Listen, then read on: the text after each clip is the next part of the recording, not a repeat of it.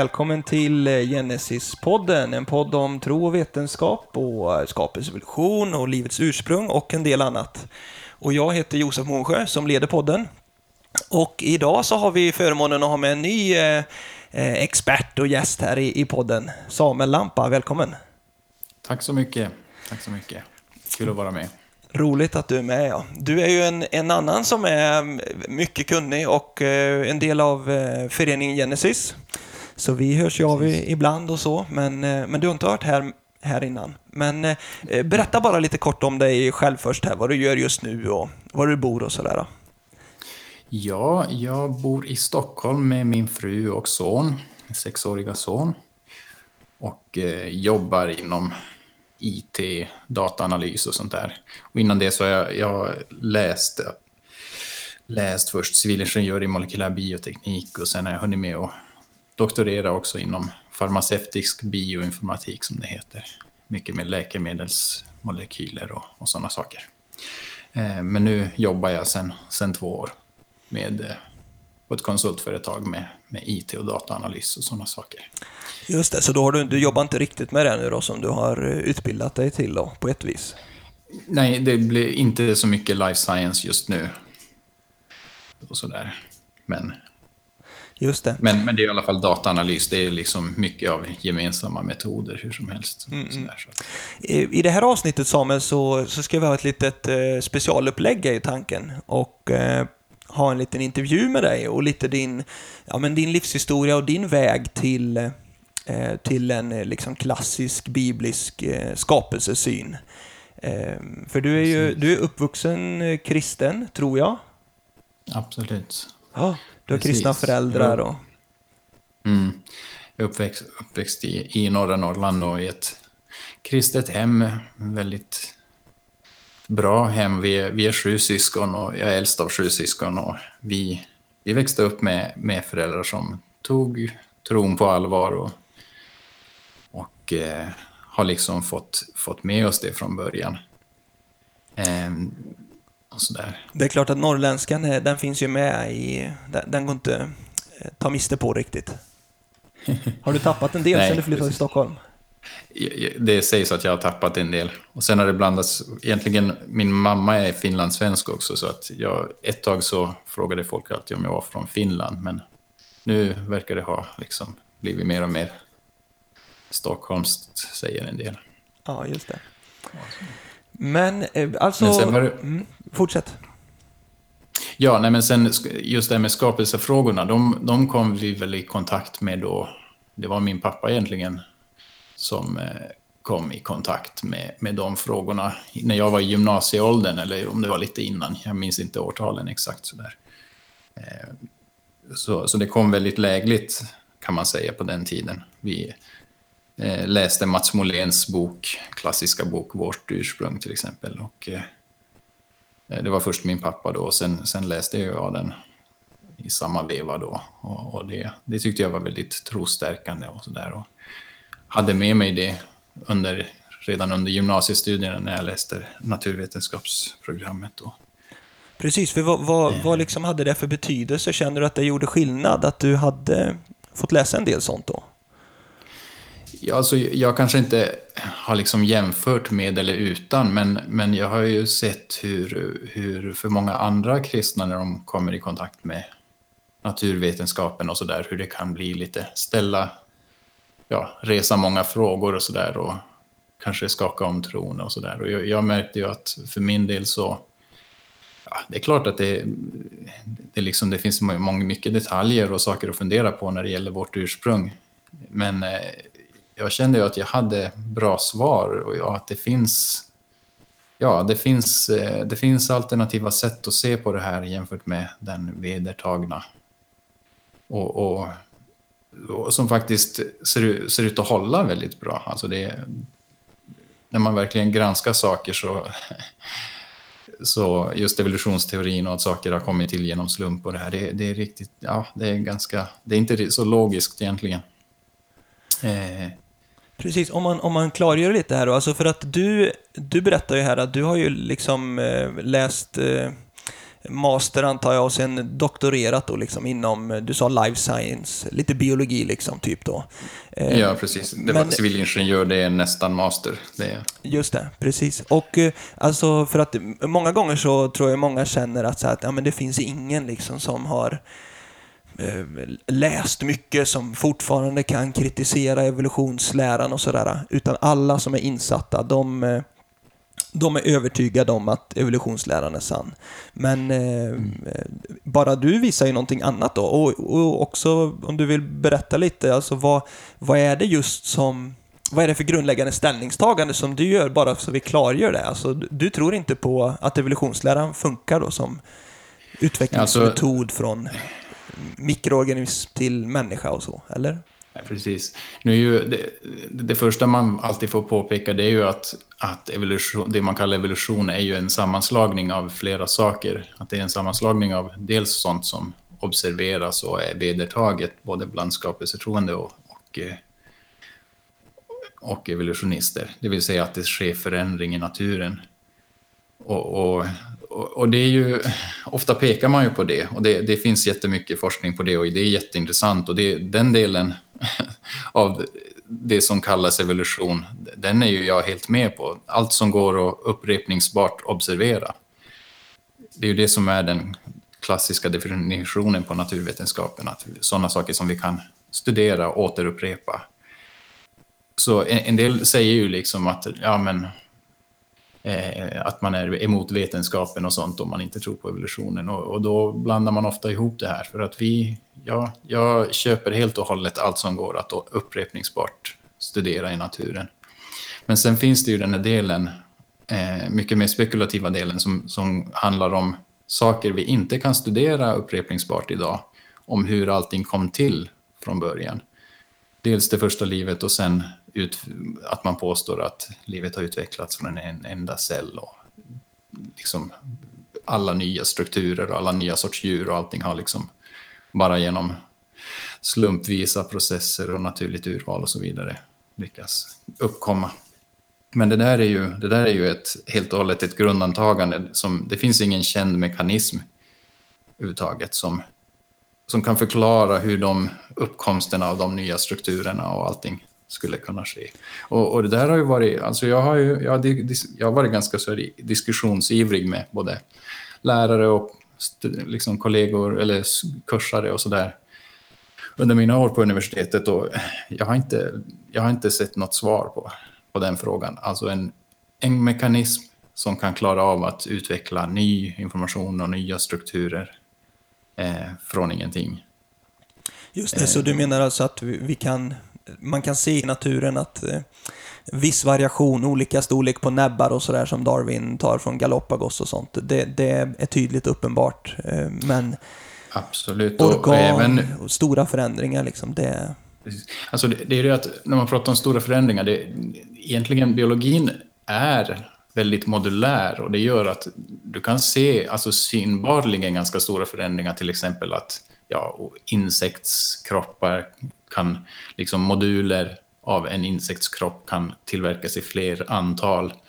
Och du kan se omflyttningar av organ. Alltså man kan ju göra en genetisk modifiering så att man får ett insektsben där var ögat skulle vara till exempel. Och, eh, och så vidare. Men så, så det kan ju vara ganska stora förändringar som kan ske genom bara liksom slump och sådär. Men det bygger på information som redan finns och moduler som redan finns i naturen. Just det, så när du säger moduler då, då, då är det till exempel en, en eh, ja men jag vet inte hur det funkar riktigt, men genuppsättning som kodar för ett ben till exempel. Det... Ja, det kan man säga. Ett, ett paket med gener som, som sammanhängande kodar för det. Och ofta är det så, det sker ju i embryoutvecklingen då, eh, typiskt sett. Och då, då är det ju små genetiska program som lägger igång, som ofta är i, liksom i många steg. Någonting, du behöver bara slå på programmet för att tillverka ett, ett ben till exempel, på en, på en viss plats i organismen. Då kommer liksom alla gener, precis rätt gener kommer slås på. Det blir som en kaskad av påslagningar eh, som sätts igång. ett helt program som sätts igång. Just det. Men problemet är, så. hur den här informationen då skulle ha uppkommit. Alltså det finns ingenting som visar att Precis, sånt hur- sker. hur- Ja. Exakt hur, hur, de, hur den första informationen skulle ha uppkommit. Och det där är något som till och med sekulära, eh, sekulära forskare er, eh, talar, eller erkänner öppet. Och, och det, är en, eh, det är en av de saker som, som jag har tyckt har varit fascinerande att upptäcka. Ehm, Just det. Jag vet inte om vi ska komma till det längre fram här, men Precis, men jag, jag, kan, jag vet att du vill nämna lite om alltså, din skapelsetro då, eller vad vi säger, skapelseperspektiv. Eh, Det gav dig en annan infallsvinkel när du studerade biologi och sådär. Vill du berätta lite mer om det? Precis, alltså det, det har ju gjort att genom att jag på något vis sett att det finns en, en hållbar eh, grund att tro att faktiskt kunna tänka sig att det som Bibeln säger, det verkar inte så orimligt trots allt. I, i, inte mindre orimligt än, än den, de väldigt spekulativa delarna i det man brukar kalla storskalig evolution, det vill säga evolution från en urcell till oss. From goo to you, som man brukar säga, från sl- slimesoppa till människa. Eh, det är otroligt spekulativt. Och Bibelns uppgifter verkar faktiskt, ja, det man observerar, det verkar liksom hålla bättre ihop faktiskt med det Bibeln säger.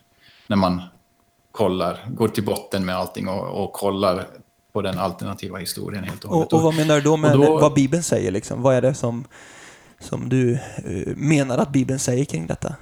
Ja, nej men färdiga grundslag av djur och växter. Gud skapade har- fiskar liksom, han satte dem i havet. Och... Ja, vi vet ju inte exakt hur, hur det gick till när han skapade dem, men att på en relativt kort tid så, så uppkom grundtyper färdigt. Och eh, sen har det varit en diversifiering inom grundtyper av djur. Det är ju det som man brukar tänka sig inom, biblisk, inom den bibliska modellen då. Som man, Precis, Ja, div- diversifiering, alltså att hundar, vargar liksom är någon form av urhund till exempel och så har den utvecklats eller varierats till en mängd olika raser idag. Till exempel, till exempel. Och, eh, men, men i alla fall, och då, ja, det, det, det har liksom funnits en sammanhängande bilder och en trovärdig bild. Och då, då har jag varit ganska trygg i att kunna, ja, börja studera biologi och vi har läst mycket bio, biologi och bioteknik och sånt här på, i, i min utbildning då. Precis, och du har inte, Eh. du har inte känt att det här liksom är, är eh, väldigt problematiskt liksom? Du har inte fått kämpa för att hålla kvar vid din eh, kristna tro då, eller hur har du? Nej, jag tycker ju inte det, utan egentligen redan i början när jag började på universitetet så en av de saker som slog mig då var, det var så mycket som, som, jag, som jag inte hade fått känna till innan. Vi läste till exempel om alla sådana här molekylära maskiner, små molekylära maskiner som åker omkring och gör saker i kroppen. Man kan ju kolla på YouTube på filmer på sådana saker. Det finns till exempel någon, en, i E. coli-bakterier finns en motor, en elektrisk motor som består, består av 40 olika delar och eh, snurrar över, vad var det, 40 000 varv per minut eller hur det nu var. Helt fascinerande saker. Eh, som, det där var ingen som har berättat för mig på gymnasiet till exempel. Så, och det där var ju bara helt fascinerande att det här är ju helt uppenbart att det här kan inte ha uppkommit av en slump. För det, det, är liksom, det är teknik som så vida överträffar mänsklig ingenjörskonst och det finns på den molekylära skalan. Så det blev på något vis, redan där fick jag en stark, eh, det blev trostärkande tycker jag. Eh, sen har jag ju varit intresserad, jag har varit intresserad av att gräva ner ordentligt i de svåra frågorna också. Liksom att, ja men vad är, ja om man tar evolutionisternas starkaste argument och, eh, och ja, våga bemöta dem och, och gräva i vad vi vet.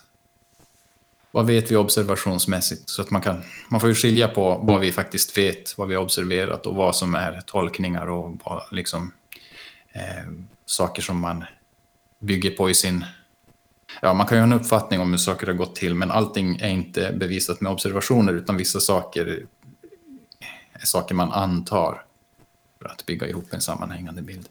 Men eh, Just det. Och eh, jag vet ju att du skulle vilja lägga fram eh, några sådana här riktigt starka argument, eller vad vi säger då, som har varit med och, och hjälpt dig och, och styrkt dig i din eh, övertygelse i detta.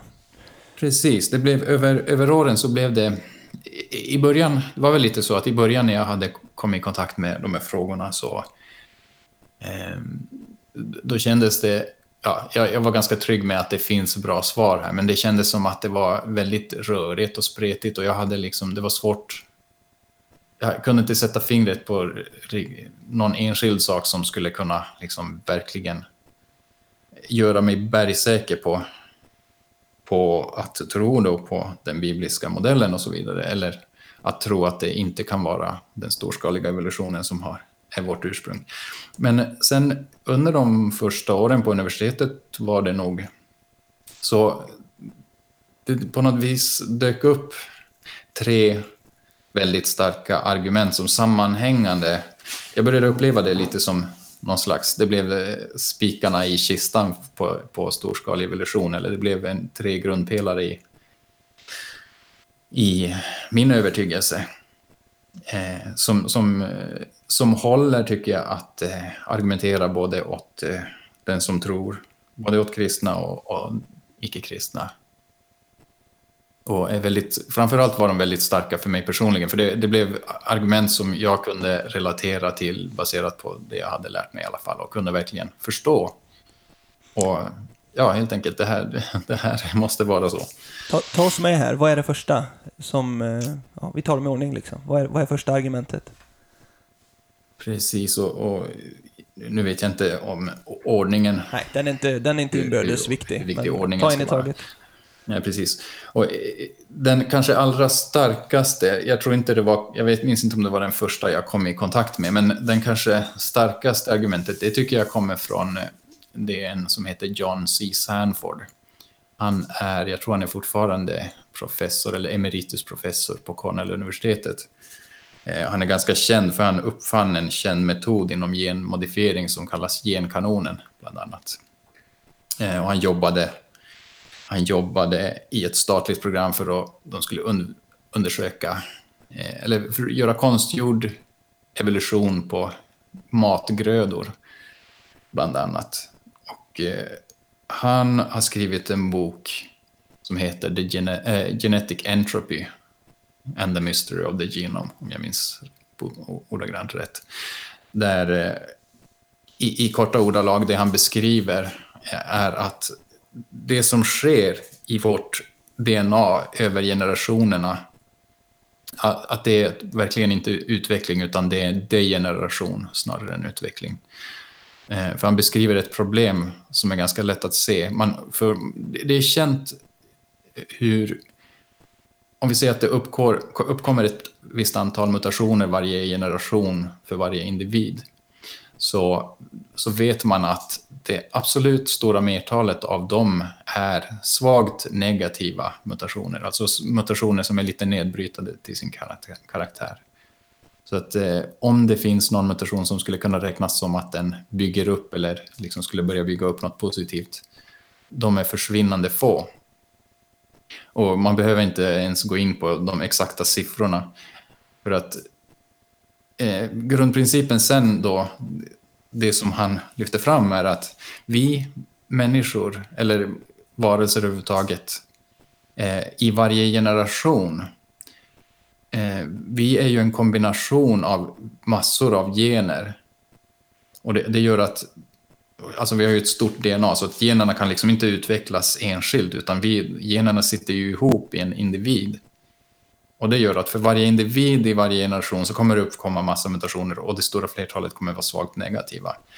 Eh, och, och om vi säger att det finns någon enskild positiv mutation, för, så då om man tänker naturliga urvalet som ska liksom döda bort de individer som inte har den där positiva mutationen. Eh, den klarar inte ens av att rensa bort alla svagt negativa mutationer. Eftersom det, det klumpas ju liksom ihop alla Just det, man får alltid ett paket negativa. liksom. Alltså, mina barn, de, de har ett visst antal då, eh, mutationer eh, som de får liksom slumpmässigt. Eh, och även om det skulle vara någon som är väldigt positiv så kommer det alltid med ett helt gäng med svagt negativa mutationer. Precis, så att naturliga urvalet skulle liksom måste döda bort allihop för att få bort allt dåligt. Och, det går ju inte. Utan någonting måste den ju spara, men då följer det obevekligen med eh, negativa mutationer. Och det här gör ju att eh, ja, det, det ansamlas eh, skadliga mutationer och, och, det är det som Sanford då kallar entropi eller genetisk entropi.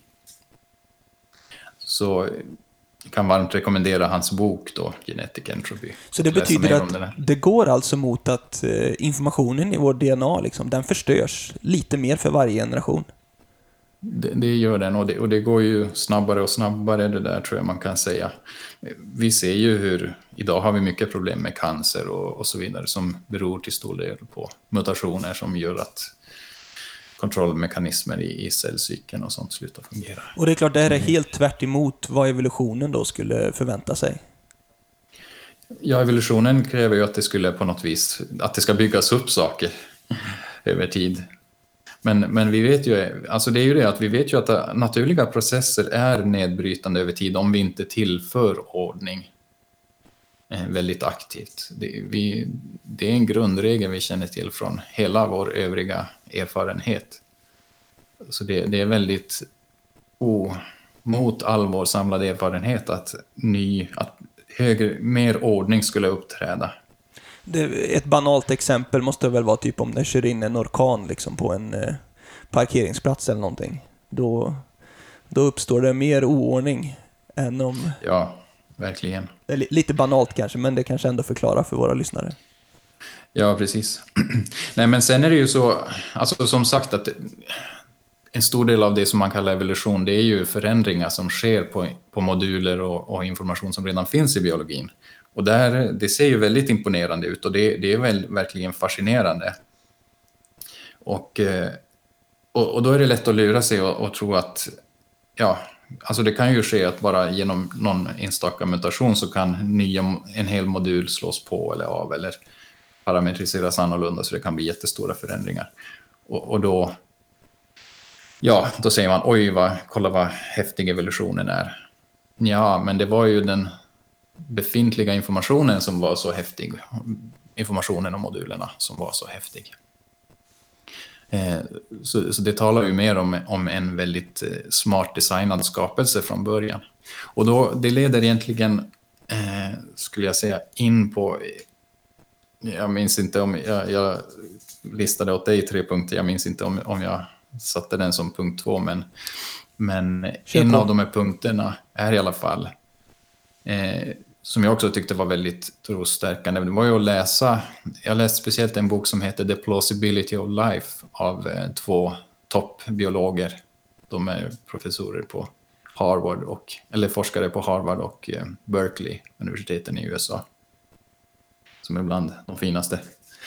Eh, där de förklarar just det här med, de sätter, lägger egentligen fram en teori just och förklarar det här med eh, hur eh, modulariteten inom biologin.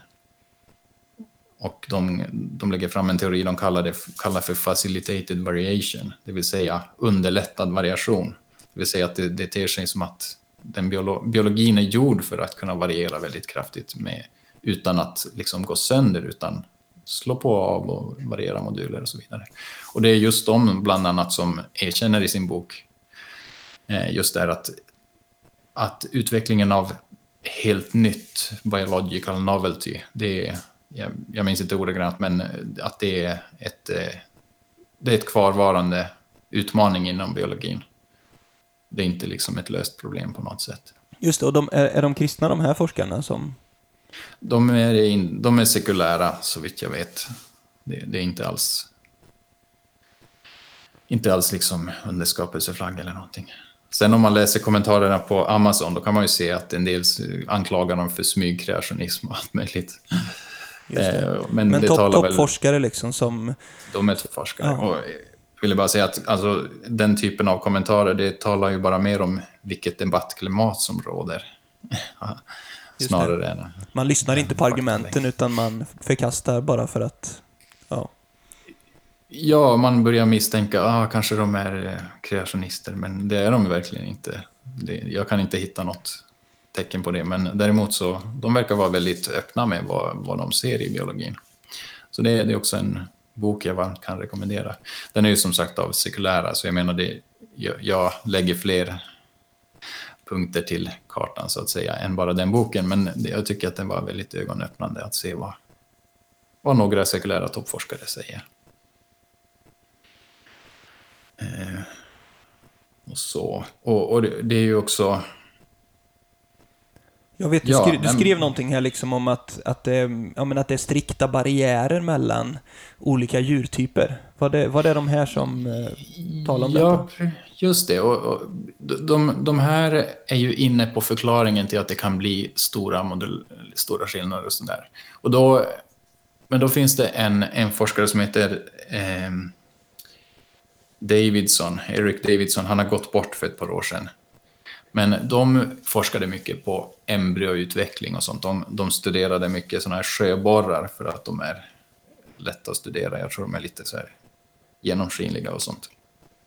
Och eh, de har försökt kartlägga de här genetiska programmen som bygger upp eh, kroppsplanen för organismer i embryot när det håller på att växa. För då ska det ju liksom någonstans så ska det ju planläggas hur eh, hela den övergripande ordningen eller liksom arkitekturen i organismen. Och då är det små genetiska program som styr det där. Det är olika gener som slår på av varandra, som switchar i ett nätverk. Så det blir lite som ett elektriskt schema med på och av switchar som påverkar varandra, som bildar en logikmotor. Väldigt avancerat. Och sådär. Men eh, de har studerat de där nätverken av hur generna påverkar varandra Eh, det de har sett, de, de, säger ingenting jättedefinitivt, men det de säger när de studerar om de nätverken, det är att så vitt de kan se så, så kärnan i de här eh, kroppsplannätverken, de går inte att ändra steg för steg utan att, utan att eh, ut, embryoprocessen bryter ihop. Man kallar det för developmental catastrophe. Eh, de är sekulära och de tror att det på något sätt har utvecklats ändå, men det de ser är att det är liksom, de är väldigt fixa. Det går liksom inte att ändra steg för steg så som de kan se eh, i, i de här. Och, och sen, men samtidigt ser de att det finns skillnader i olika typer av djur. Just det, så det finns grund, inte, grundscheman liksom, genetiskt som är olika för olika djurtyper då, typ? Ja, vi, vi har ju olika kroppsplaner. Jag menar, det finns, eh, det finns, eh, de heter olika saker som bilaterala och sen finns det femstjärniga djur och allt möjligt. Jag är ingen expert på exakt alla olika typer som finns. Eh, och nu, nu är det det, de har inte liksom alla svar på exakt var gränsen går och allt sånt där. Men det där, jag tyckte att det där var intressant för att det antyder precis det som Bibeln pratar om. Att det finns eh, separata djurslag som har utvecklats separat.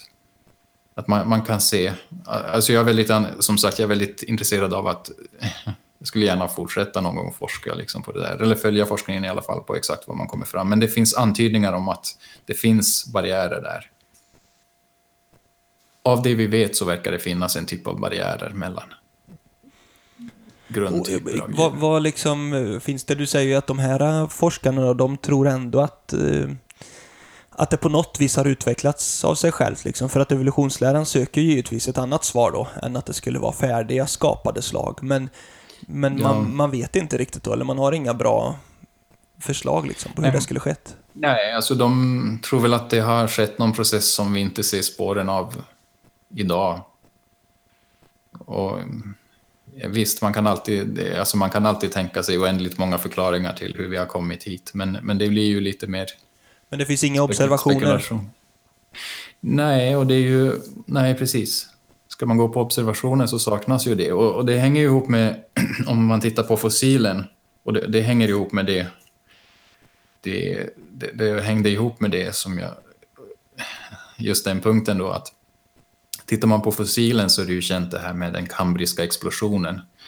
Eh, att vi hittar färdiga, i princip färdiga varianter av i princip ja, många fyla och sådär. i kambriska explosionen och, och vi saknar, saknar ett gemensamt utvecklingsträd för dem innan.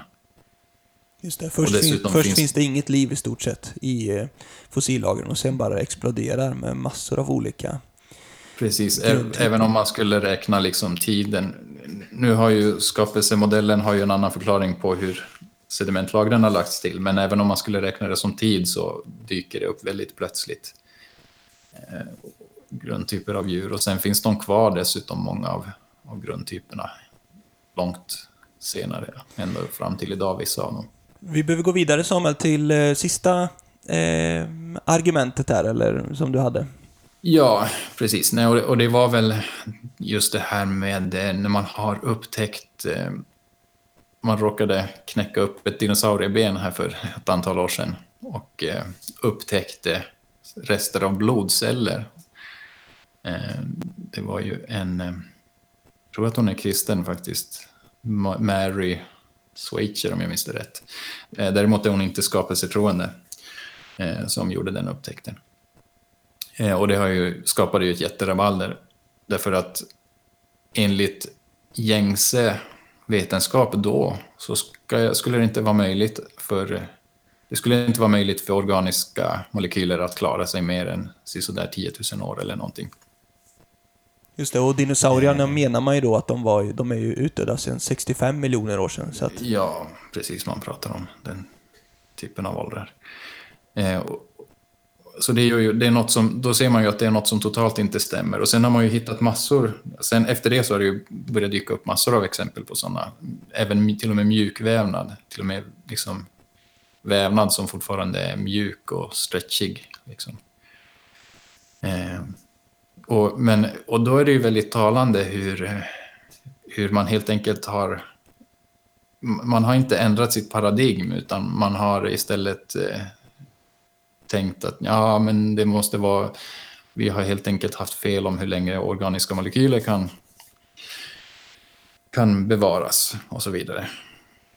Men, men det är ju sånt som, ja det är klart att man har inte gjort experiment på 10 000 år, men man har haft en väldigt, eh, det är ju sånt som är lättare att testa, hur pass lätt sådana molekyler bryts ner över tid. Så men, men det talar på något sätt om hur svårt det, man har att ändra sitt paradigm trots att uppenbara problem med paradigmet dyker upp. Just det, så man, man här, är inte intresserad. Man, man kan inte se liksom möjligheten att, eh, att det skulle vara eh, att man har fel liksom, i sin stora tänkande om evolutionen. Utan istället så ändrar man på det man verkligen har, det, det, man tror sig ha observerat om hur, hur kemin fungerar, där, där ändrar man åsikt istället för att fundera på om liksom, evolutionsläran och detta skulle vara fel. Precis, och jag tycker det, det är, jag tycker det är väldigt uppseendeväckande att man inte ens tar den funderaren. Just genom att den storskaliga evolutionen faktiskt inte, ja men där har vi inte upprepningsbara observering, observerade bevis utan det bygger på det bygger på antaganden. Väldigt mycket.